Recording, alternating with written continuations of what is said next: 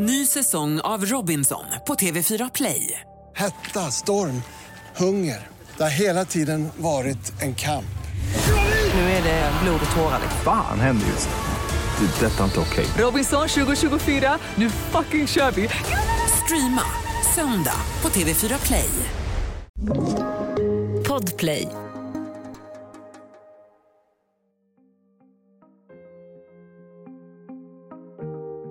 –1998 är Sverige bäst i världen på IT och Icon Media Lab är ett av de mest hypade bolagen. Anna Söderblom, 21, får jobb som webbdesigner.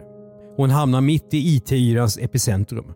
Stora pengar, sova på jobbet och spektakulära fester. Yran blir en börsbubbla. När den spricker hånar alla de självsäkra entreprenörerna och deras bolag och säger att allt var ett luftslott. Men är den bilden rättvisande? Det här är Jag var där, en dokumentär från Podplay av Andreas Utterström och Mattias Bergman.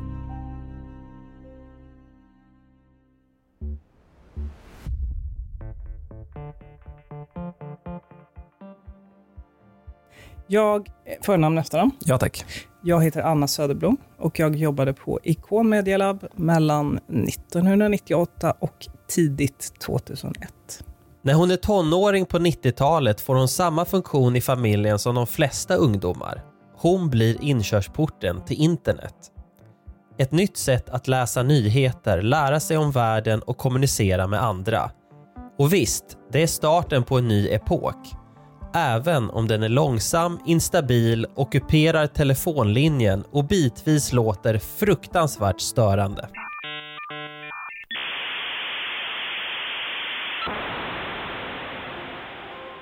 Mm. 14.4-modemet, klassiska pipandet. ja, det lät ju lite grann. Nej, men då fick man ju kriga med farsan om att eh, ha telefonlinjen och ringa till eh, Stings BBS och sitta och chatta och ha sig. Stingnet drivs av tidningen Expressen. De satsar på så kallade BBS istället för World Wide Web. För det facit som vi har idag av hur internet blev, det finns inte 1996. De här åren är teknologiskt vilda västern i högt tempo. Expressens teknikval ska bli förödande för dem. Men det är en annan historia. Ungefär samtidigt som Anna Söderblom chattar på Stingnet grundar fyra män som jobbat med Jan Stenbecks Kinnevik ett eget IT-konsultbolag. Ikon Media Lab. Startkapitalet är 4,5 miljoner kronor. De är inte ensamma om IT-drömmar. Drivna män, ja det är män som märks mest. De sitter lite överallt i källare och på Handelshögskolan och planerar företag. Anna, hon sitter hemma i Västerort och har byggt en egen sajt. Ja, men lite dagbok var det nog faktiskt. Alltså jag kommer ihåg färgerna. Den var liksom ljusgrön. Nej, den var limegrön bakgrund. Och så var det ljusgrön text och så var det liksom uppbyggt helt på tabeller. Bara handkodade. Och så stod det väl lite grejer om mina intressen och hej och hå. Fy fan, pinsamt. Och det var ju faktiskt den som Ikon Medialab fick syn på sen, för den länkade jag till av någon outgrundlig anledning till i min eh, ansökan. Internet är slött. När amerikanerna vaknar på eftermiddagen och loggar på blir det ännu långsammare. Bredband är så nytt att det måste förklaras när det beskrivs i tidningsartiklar. Om du har en mobiltelefon har du verkligen ingen uppkoppling i den. Den används bara till att ringa, skicka sms och spela Snake. Men Anna har fastnat för IT. Hon utbildar sig. Och vad, vad var IT på den här tiden? För mig var det typ att bygga hemsidor. Men det var lite luddigt. IT, business IT, det lät bra i alla fall. Vad fick man lära sig på den här Man utbildningen? fick lära sig lite HTML, basic HTML-programmering. Man fick lära sig lite bildhantering, Photoshop. Eh, Jag kanske var nördigare än i alla fall tjejer i min ålder, men jag var nog inte nördigast av de nördiga. Anna Söderblom blir webbdesigner och börjar jobba.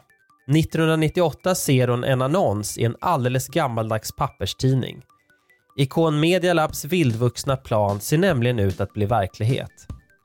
Johan Stahl von Holstein och de andra grundarnas mål är att företaget ska bli en av de fem största IT-konsulterna i hela världen på bara tre år.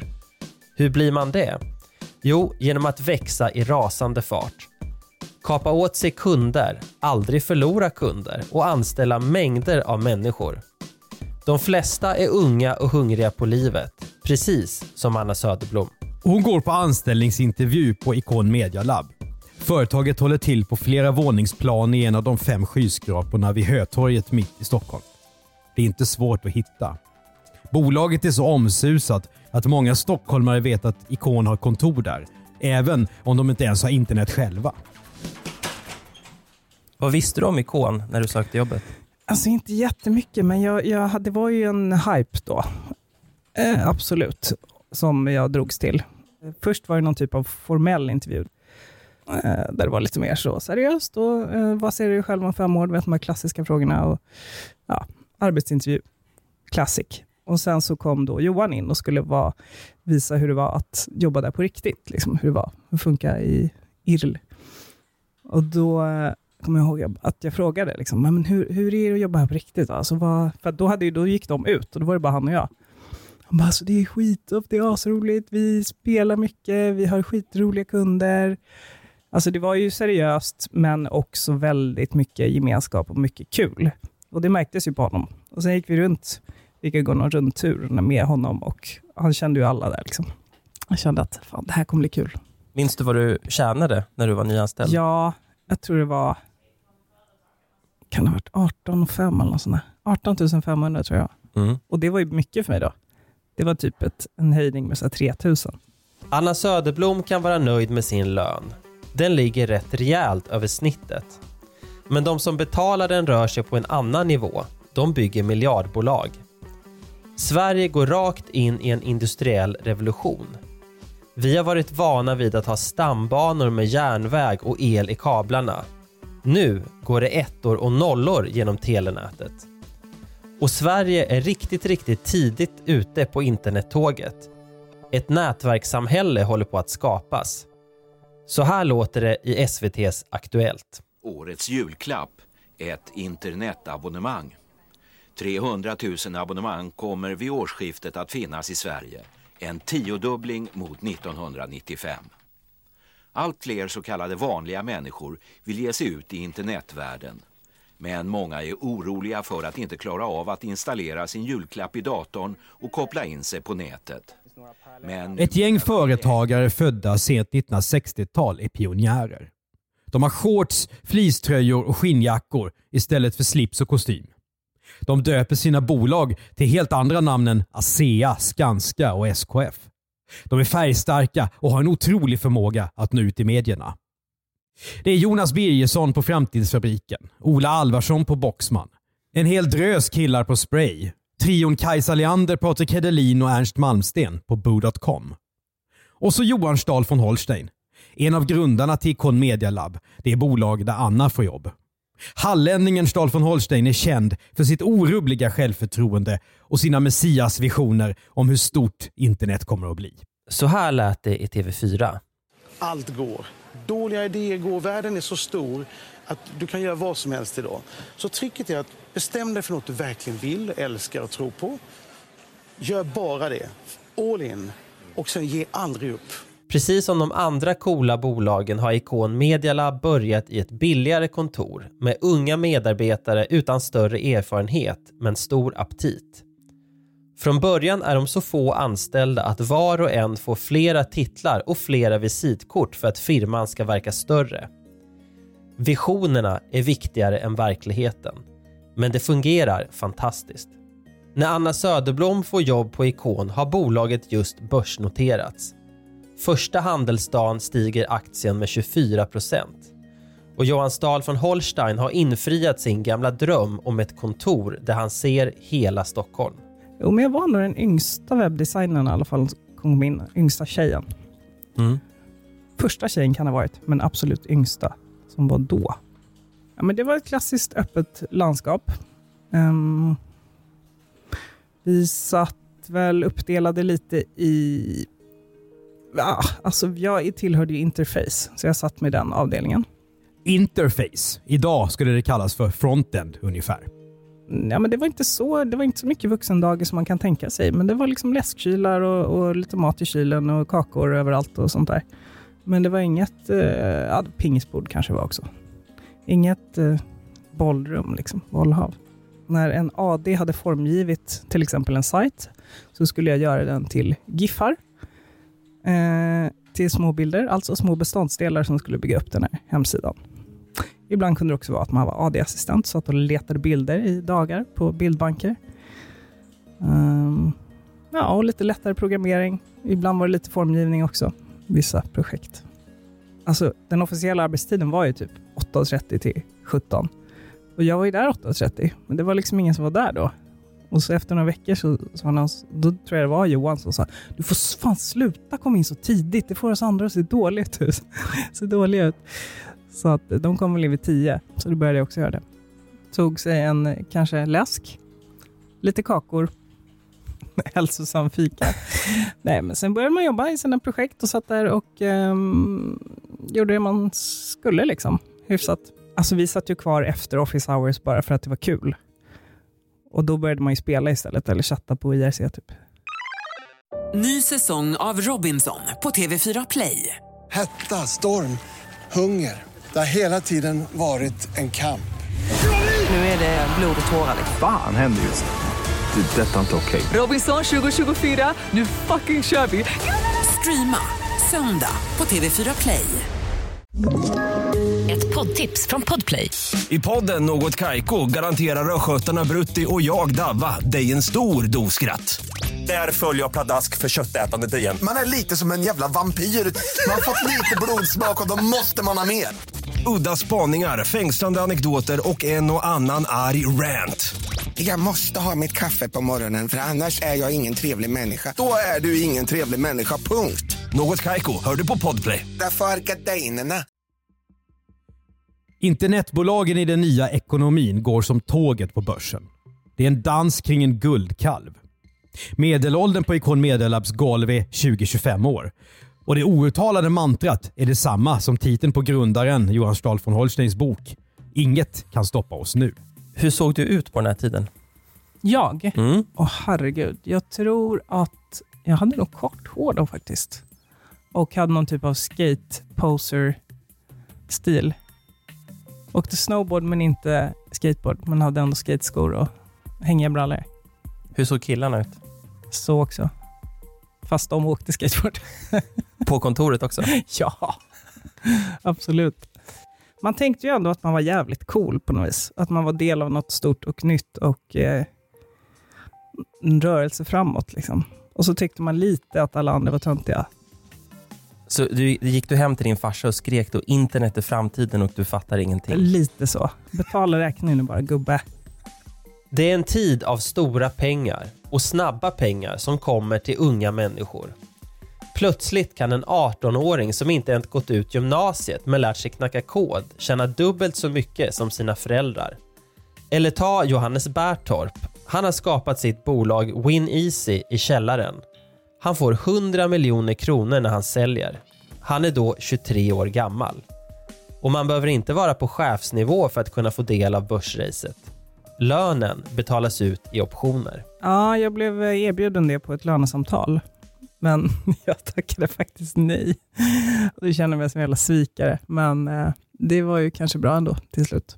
Jag var lite för trygghetsmässig just då, tror jag. Men jag kommer ihåg att de ifrågasatte varför jag inte ville ha det istället för löneförhöjning. Men det var ju ett klokt beslut. Mm. Affärsjournalister charmas av den nya typen av företagare som gärna pratar med dem. Riskkapital och gamla pengar som från Wallenbergarna investeras i företagen. Svenskarna börjar intressera sig mer och mer för att köpa aktier. Och internet växer så det knakar. Känslan är stark. Om man inte skyndar sig och hoppar på tåget kan man bli kvar i den gamla grå industrivärlden. 1999 blir det bästa börsåret på 90-talet. Generalindex stiger ungefär 70%. De anställda på Icon Media Lab lägger en del av sin tid på att kolla börskurser på sina skärmar. Men Anna, som inte har några aktier, jobbar på i ett av världens coolaste bolag det blev ju faktiskt framförallt vara en grund inom, inom webbdesign för mig. Där jag fick lära mig både ASP och HTML och POP och allt vad det var på den tiden. Flash. Flash ja. En programvara som Johan Stahl von Holstein också gärna pratar om i ett kundmöte.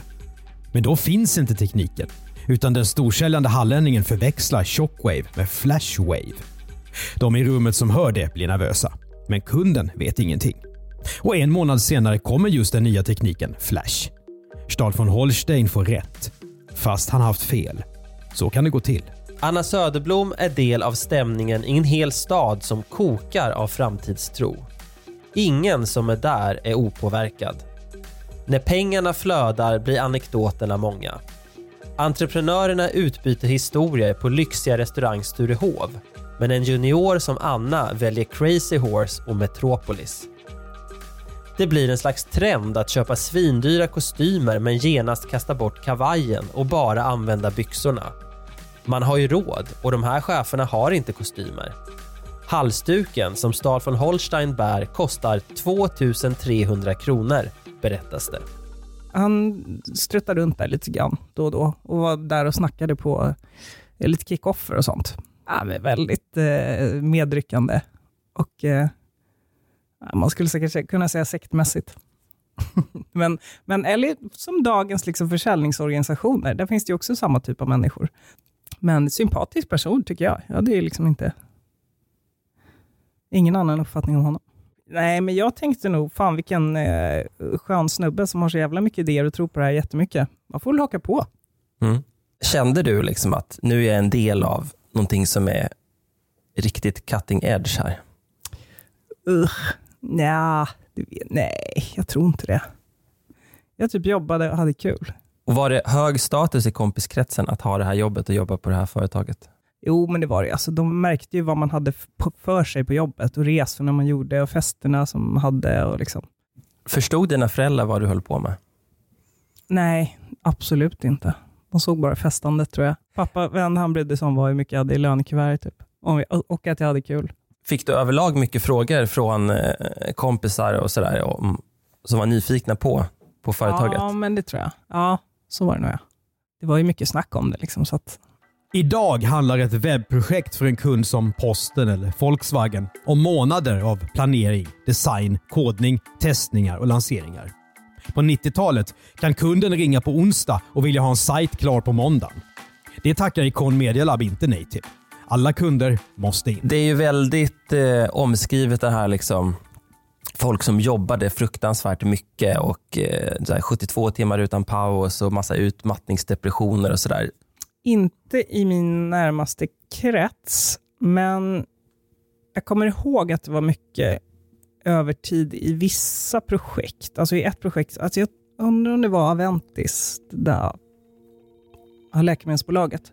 Då var det i alla fall ganska många som mer eller mindre blev tvingade att jobba övertid och det var ju ett riktigt halabaloo.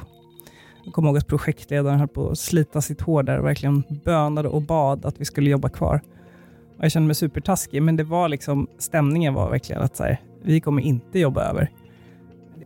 Nej, men jag tror ju faktiskt inte man hade betald övertid. Så var det nog. Det måste ju vara därför. Mm. Så du jobbade inte över då? Jo, det gjorde jag också. Ja. Vissa kvällar satt man där och jobbade ändå. Det här ska levereras över morgon, typ. Mm. Ganska korta tidsspann ofta. I vissa projekt var det ju mer kaos om tiden.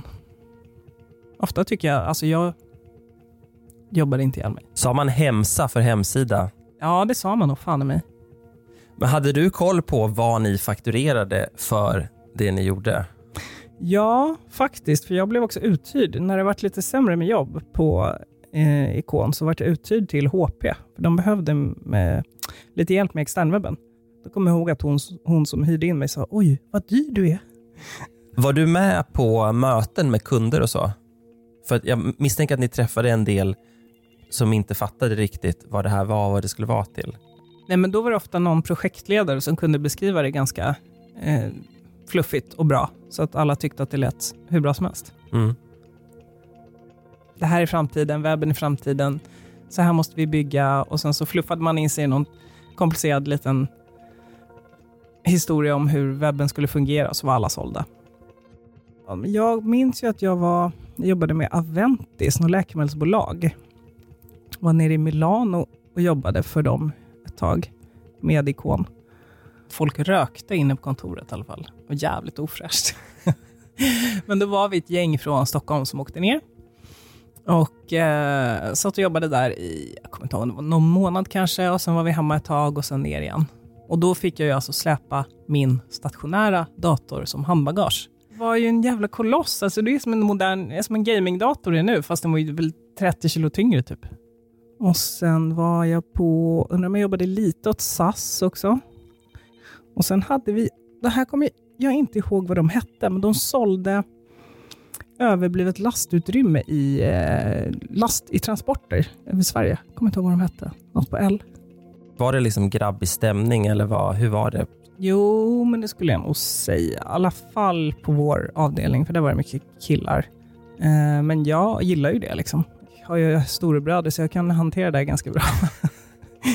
men eh, jag tror nog att det kanske kan ha tyckts att det var lite grabbigt, ja, av vissa andra tjejer. Svårt att beskriva med något annat än ljuden. Öh. Nej, men, ja, men sen tror jag mer att det var ju fler kvinnliga, alltså projektledare, där var det ju fler kvinnor. Bröligt eller inte, Ikon Media Lab beskrivs ändå som bättre än de andra. Ikon annonserar till och med särskilt efter kvinnliga medarbetare. Men företagskulturen på internetbyråerna blir snart mytomspunnen. Glöm den gamla svenska synen på att arbetstagaren säljer sin arbetskraft till kapitalismen. Nu bygger man tribes, familjär gruppstämning bland de anställda. Kontoret i Hötorgsskraporna är både arbetsplats, barhäng, skateramp, vardagsrum och ungdomsgård. Och så är det våningssängarna. De har blivit ikoniska för tidsandan. Nej men gud vad roligt. Va, vad är det för någonting? Crab Island Sleeping Lodge. Det var bokningsschemat för eh, sov... Våningssängs eh, sovrummet, vilrummet. Ja, men det var ett ganska litet rum. Jag får att det var heltäckningsmatta. Det fanns en våningssäng med en kudde och filtar som luktade gammalt instängt bakis någonting. Fylla. Och så var det väl en toa där inne också, en dusch. Där det hängde gamla äckliga, svettiga, sura handdukar och annat. Har du sovit där någon gång? Det har jag. Mm. Många gånger? Nej, några gånger. Det fanns de som eh, ish bodde där, men Men, men det där är ju väldigt mytomspunnet att folk sov på jobbet och det fanns sovsal och sådär. Och då är ju historieskrivningen så att man var tvungen att göra det för att man jobbade så fruktansvärt mycket. Men när du berättar så låter det mer som att det var som en fritidsgård och man ville hänga kvar. ja, så var det för min del i alla fall. Sen fanns det nog de som jobbade hårdare och var tvungna att jobba, eh, sova kvar där. Festandet i IT-bolagen skapar också historier. Vi ska nog inte lita på att alla är sanna.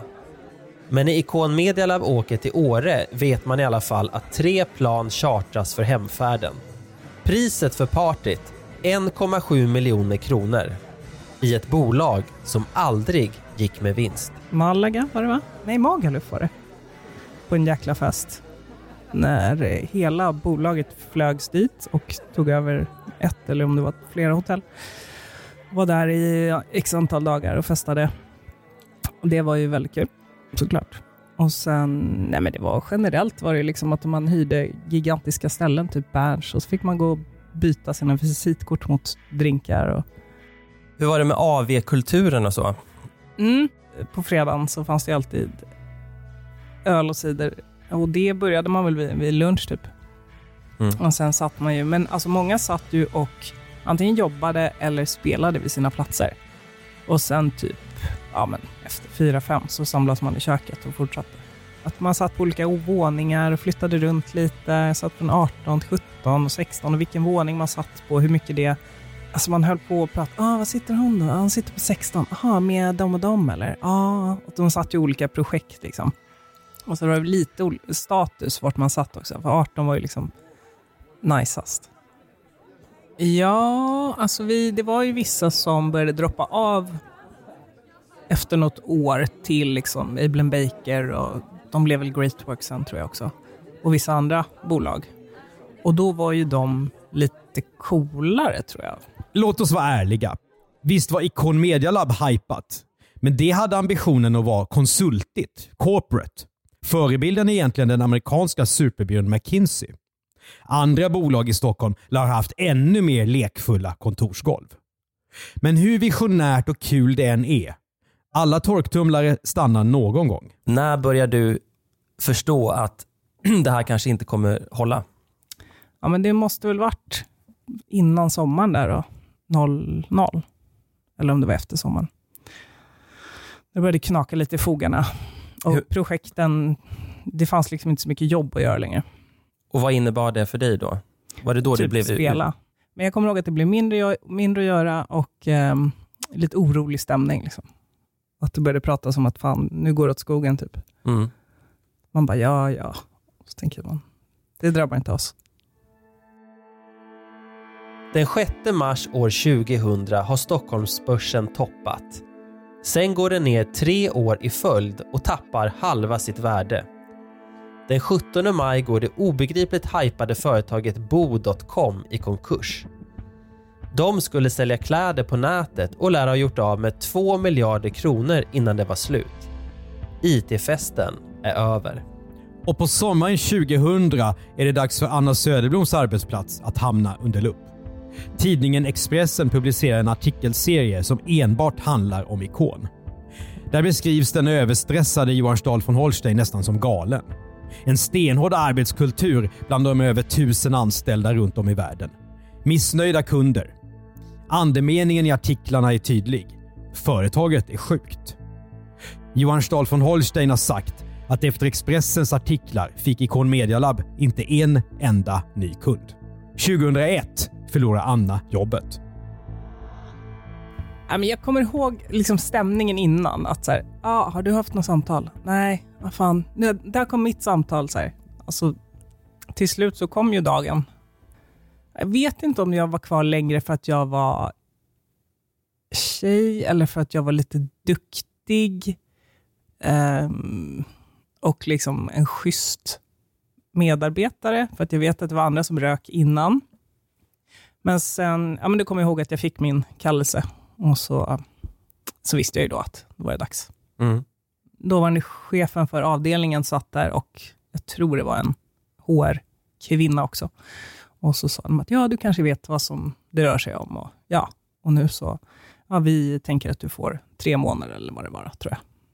Och det var inte så mycket att säga om det. Nej. Ja. Nu lämnar jag det här ett tag, så får jag se var det landar någonstans och vad, vad som händer.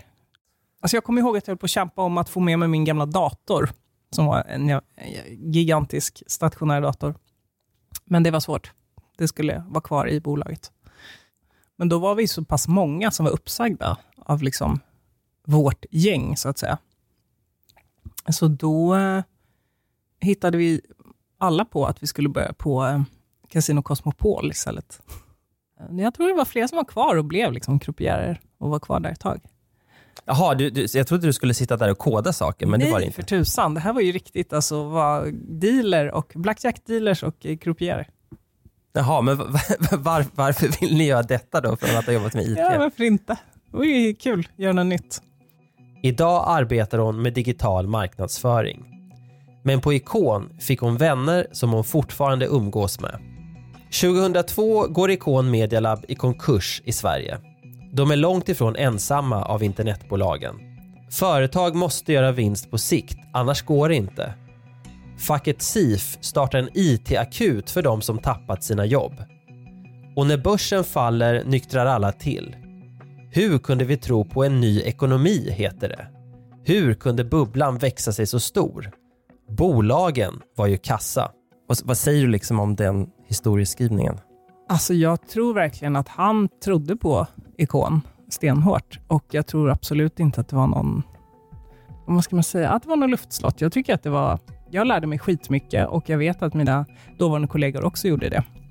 Och det satsades verkligen på medarbetarna, man fick gå utbildningar och eh, företagskulturen var superviktig. Att lära sig liksom att jobba tillsammans och hur viktigt det är med team och mm, det, det är en tråkig bild tycker jag. På våning 16 i High Tech Building i Stockholm blir det auktion. Vem som vill kan ropa in Icon Media Labs grejer. Från skrivbord till switchar. På visningen kan man se tjocka pärmar fyllda med fakturor. Tomma minikylskåp på kontorsplatserna och rummet med våningssängarna. Dessutom kan man sno med sig bokningsschemat som Anna Söderblom log över lite tidigare. En del sålde sina pumpade aktier i tid, men många ser sina optioner bli värda mindre än frimärken. Men de har fortfarande sin kompetens och en otrolig erfarenhet för sin ålder. Och det de har varit med om på 90-talet ska påverka deras yrkesliv. Hur mycket tror du att det har påverkat din syn på vad, vad det innebär att ha ett jobb och hur det ska vara på en arbetsplats? Ja, men ganska mycket. Jag har ju alltid varit mån om att det ska vara kul och att det är svinviktigt att vara kul, ha en bra kultur och roliga, roligt på jobbet och många bra vänner. Andan tror jag, liksom, att det var allt var möjligt. Eh, det satsades hit och dit och inget var konstigt. typ. Johan Stahl von Holstein genomgår hjärtoperation vid 39 års ålder. Han flyttar sedan runt i världen och startar nya företag samtidigt som han bäsar Sverige för dess företagarklimat. Och 2020 anklagas han för delaktighet i ett pyramidspel i Afrika. En börskrasch byggd på naivitet. En fånig hype och för stora ord om revolutioner. 20 år efter IT-yran har många analyser gjorts. Företagen var kanske illa skötta, men de var också långt före sin tid. Ta det utskällda exemplet Bo.com. Det de gjorde kallades postorder då, men är e-handel idag. Det Bo.com ville göra 1999 tog över 10 år innan nätet och världen var mogen nog för att det kunde bli verklighet. Men, men har du tänkt ibland att det där som ni pratade om, så blev det fast långt, långt senare, helt enkelt att ni var lite före er tid? Ja. Har, har du några exempel på, på sånt? Jo, men verkligen. Men alltså det finns ju... Det känns ju som att det var före, för att ja, men kollar man på King och Klarna och allt vad de heter nu, så är det värre vuxendagis än vad vi hade då. Så det känns lite otacksamt att, att eh, det blir så nedsnackat då när man ändå var före sin tid, om man ska säga så. Att nu är det självklarheter liksom. En sak är säker. Utan den där tiden hade svenska arbetsplatser varit annorlunda idag. After work är nu ett ord som alla kan, inte bara i Stockholms innerstad. Frukost på jobbet är naturligt på många arbetsplatser. Fria arbetstider och kompetensutveckling är någonting konkret och inga klyschor. Stressnivåer och hårda deadlines är lika vanligt att diskutera som löneutbetalningar. Idag har många svenskar verktyg i sina jobbdatorer som tar tiden på allt de gör på jobbet. Och det var länge sedan en företagsledare tvunget var en man i kostym med slips som körde herrgårdsvagn. Ledarstil är något helt annat idag än för 20 år sedan. Och entreprenör har blivit en hyllad yrkesroll. Vår gamla fina ingenjörstradition. Statsminister Göran Perssons satsning på subventionerade hemdatorer. Och det svenska höstmörkret som gör det roligare att sitta vid en skärm än att gå ut. Förklaringen till att just Sverige var så tidigt och så bra på det där internet är komplex. Men en sak är säker. Det som inleddes vid millennieskiftet har förvaltats väl. På 2000-talet har Sverige fått fram nya internationella digitala storbolag. Spotify, iSettle, Mojang, Klarna. Flera av dem som drev Spray då startade sedan gamingjätten King som skapade Candy Crush. Stahl von Holstein, Birgersson, Jonas Svensson och Johan Irfelt har fått se en ny generation giganter. I Daniel Ek, Jakob De Geer, Marcus Notch Persson, Martin Lorentzon, Niklas Adalbert och Sebastian Siemiatkowski. Nybyggartiden är över. Dagens digitala bolag är lika coola som Icon Media Lab, men hemligare. Och de gör högre vinster. De har fortfarande kontor i tredje Hötorgsskrapan. Skyskrapan som Anna Söderblom kan se varje dag när hon går till sitt nuvarande jobb. Ja, men det är alltså nostalgi. Alltså, ja, glädje. Det var en härlig tid. Det var jätteroligt. jätteroligt. Och på alla jobb som man har varit på efteråt så har folk sagt, oj, har du varit på Ikon? Hur var det? Wow. I början kändes det, alltså ju äldre man blir, desto mer blir folk så här, oj, är du så gammal? så att förut var det mer härligt att berätta om det och nu är det så här, ah. Gick du i någon slags försvarsställning eller vad, vad, Ja, vad det skulle jag absolut säga att jag Mm. gjorde. Även om man kan liksom skämta lite om det och säga att det var liksom mycket skoj och, och raljera om att vi eh, spelade på jobbet liksom och så. Men eh, jag skulle försvara det, absolut. Mm. Vad skulle du säga är de största missuppfattningarna om Ikon Media Lab och hur det var att jobba där? Ja, men det är väl att det bara var lajbans och eh, dagis och lek hela dagarna.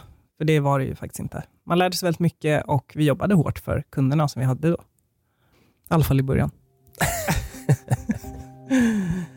Du har hört ett avsnitt av Jag var där, en dokumentär från Podplay av Andreas Utterström och Mattias Bergman. Exekutiv producent Jonas Lindskov. Läs gärna mer om IT-yran till exempel i Christian Albinssons nyutkomna Bubblan som aldrig sprack. Eller Christian Karvik och Niklas Mattssons Internetrevolutionen. För Podplay gör vi även poddarna Misslyckade brott, Misslyckade affärer och Misslyckade makthavare. Och så driver vi innehållsbyrån Commercial Content och gör då podden världens bästa innehåll. Prenumerera och betygsätt gärna podden i din poddspelare så är det fler som hittar till den. Och tipsa oss gärna om nyhetshändelser som vi borde prata om i Jag var där till jagvardar.bplus.se.